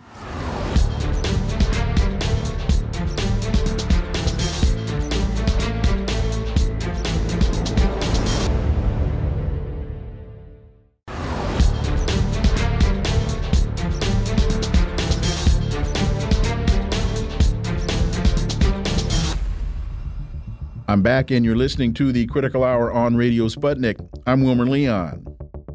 South China Morning Post reports China vows countermeasures after CIA Chief William Burns says agency is working to rebuild spy network. Foreign Ministry in Beijing attacks U.S. for making false claims about China spying while carrying out intelligence gathering operations in the country. For insight into this, let's turn to my next guest. He's an independent journalist, political analyst, author, and reporter for RT, Caleb Maupin. As always, Caleb, welcome back. Sure, glad to be here as always. So, the South China Morning Post reports the CIA suffered a series a serious blow around a decade ago when many of its agents were caught by the Chinese authorities. Beijing has vowed to take all necessary countermeasures following com comments by CIA Director William Burns that the agency has made progress in rebuilding its spy networks in China. Caleb, first, I'm not a spy, but I did stay at a Holiday Inn Express last night. And I thought the clandestine nature of a spying operation would make it more effective. So, William Burns coming out and reporting that we are building, successfully rebuilding our spy network in China, that to me seems to be a bit uh, contrary to the nature of the process.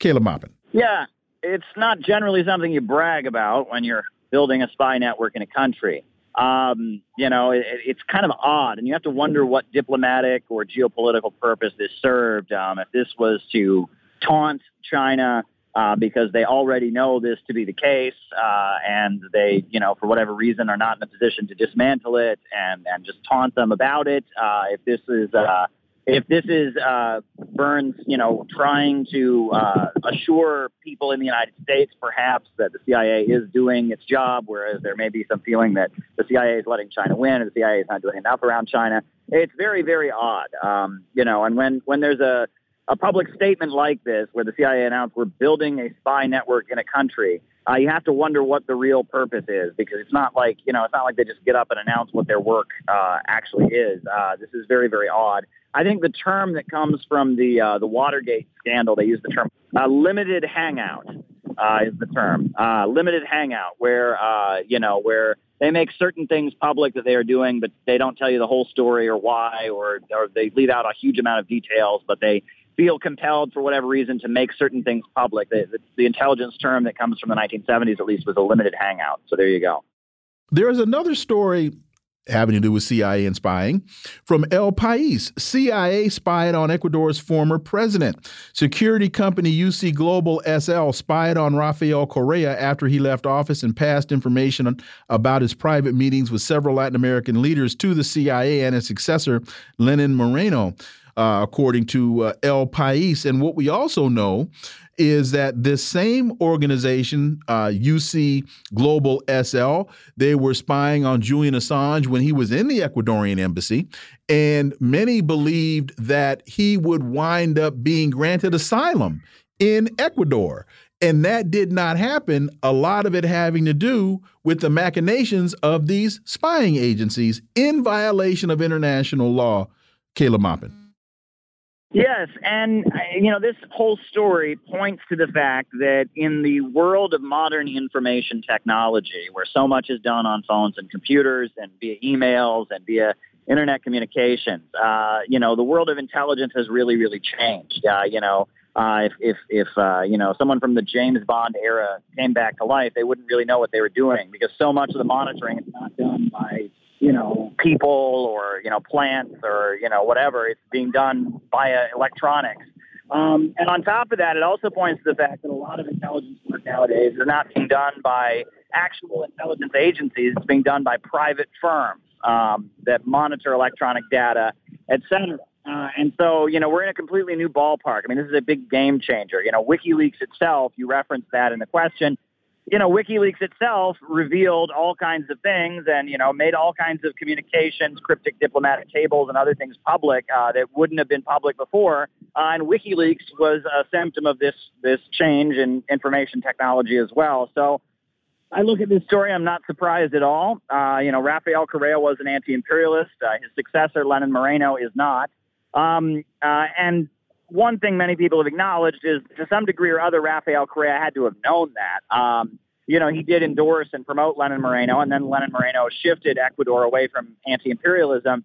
Uh, but but Rafael Correa seemed to have known that, and he did pick Lenin Moreno as his successor. So there was probably some kind of negotiation to make that happen. Now Rafael Correa speaks of Lenin Moreno in quite derogatory terms, calls him a traitor, et cetera. But I think there may be more to it, uh, and there may be more negotiations, et cetera. Uh, Rafael Correa maintains his anti-imperialist stance, um, and that's very admirable. Uh, you know, and Lenin Moreno uh, seems to be pretty solidly in the American camp, uh, and you know, Ecuadorian politics has shifted into kind of a pro-imperialist uh, direction.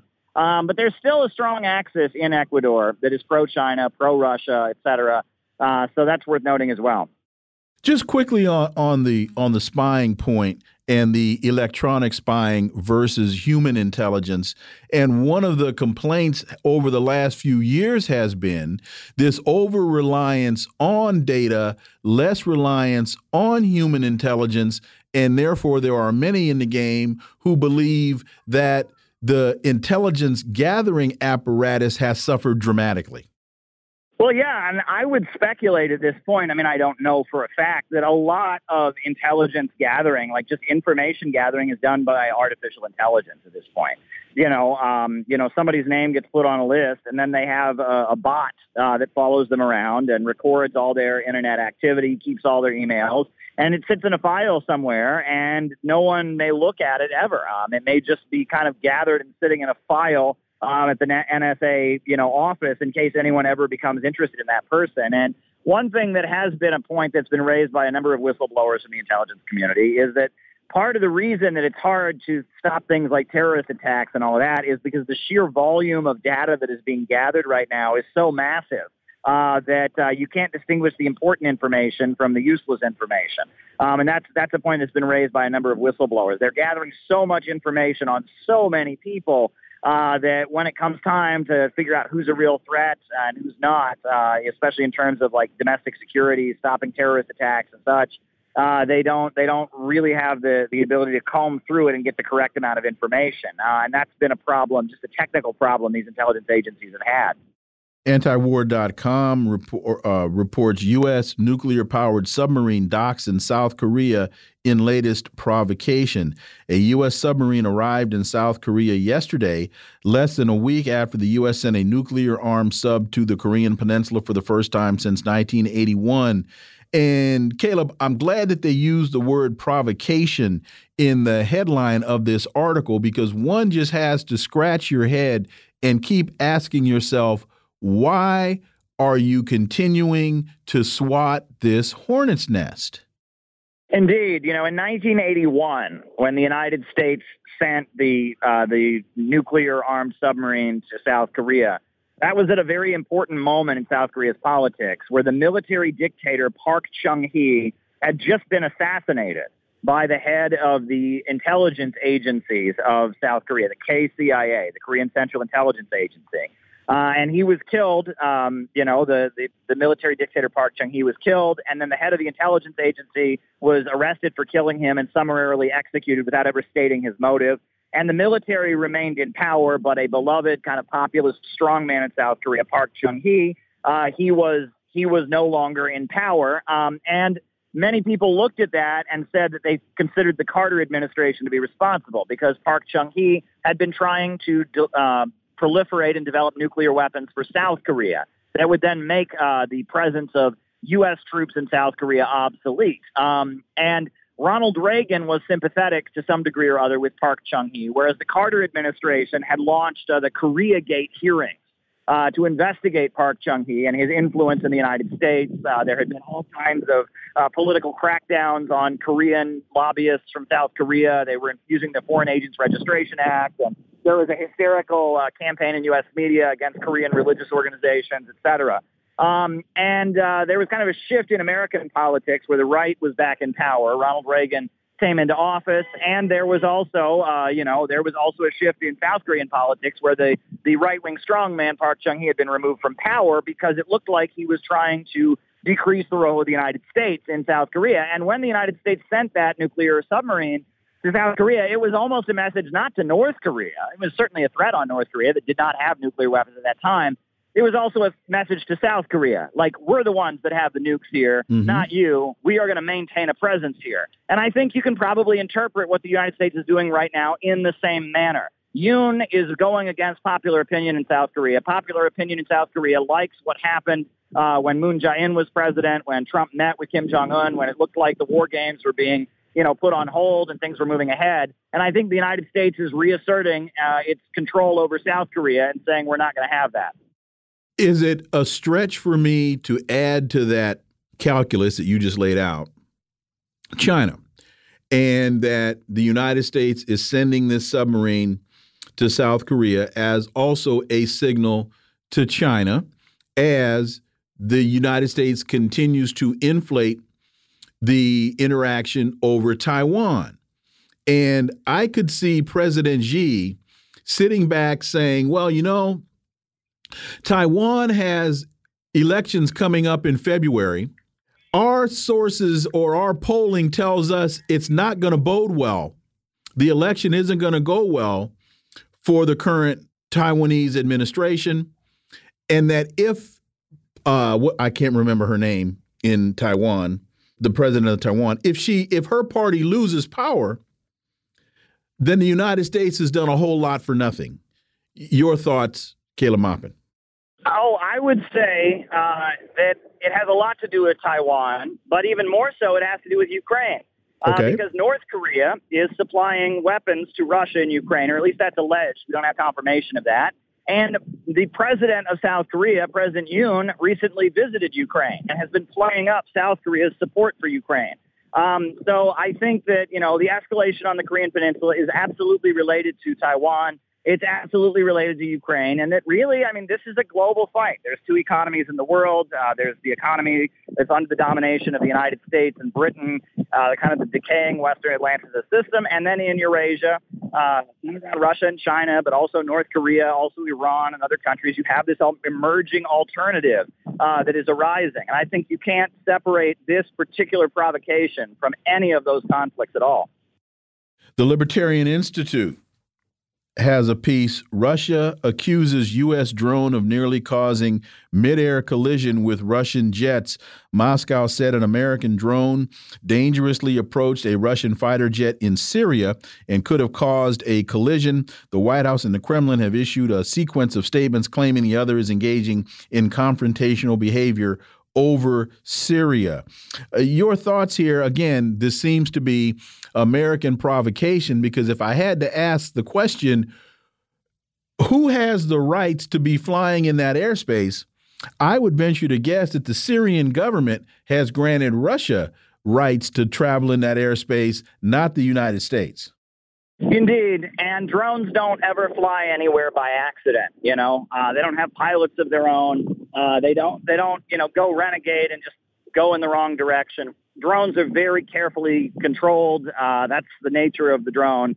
So this was intentionally done. Okay. And as you stated, uh, I would say, I mean, Russia has the right to be in Syria and has the right to its presence there. It's been granted that by the Syrian government that is internationally recognized, UN member state. The United States does not. Caleb Maupin, as always, thank you so much for the time. Greatly appreciate that analysis. Looking forward to having you back. Absolutely. Always a pleasure and talk to you soon. Folks, you've been listening to the Critical Hour here on Radio Sputnik. Thank you for allowing my voice into your space. I hope you were informed and enlightened. And Garland and I look forward to talking with you all right here tomorrow on Radio Sputnik. Be safe. Peace and blessings. I'm out.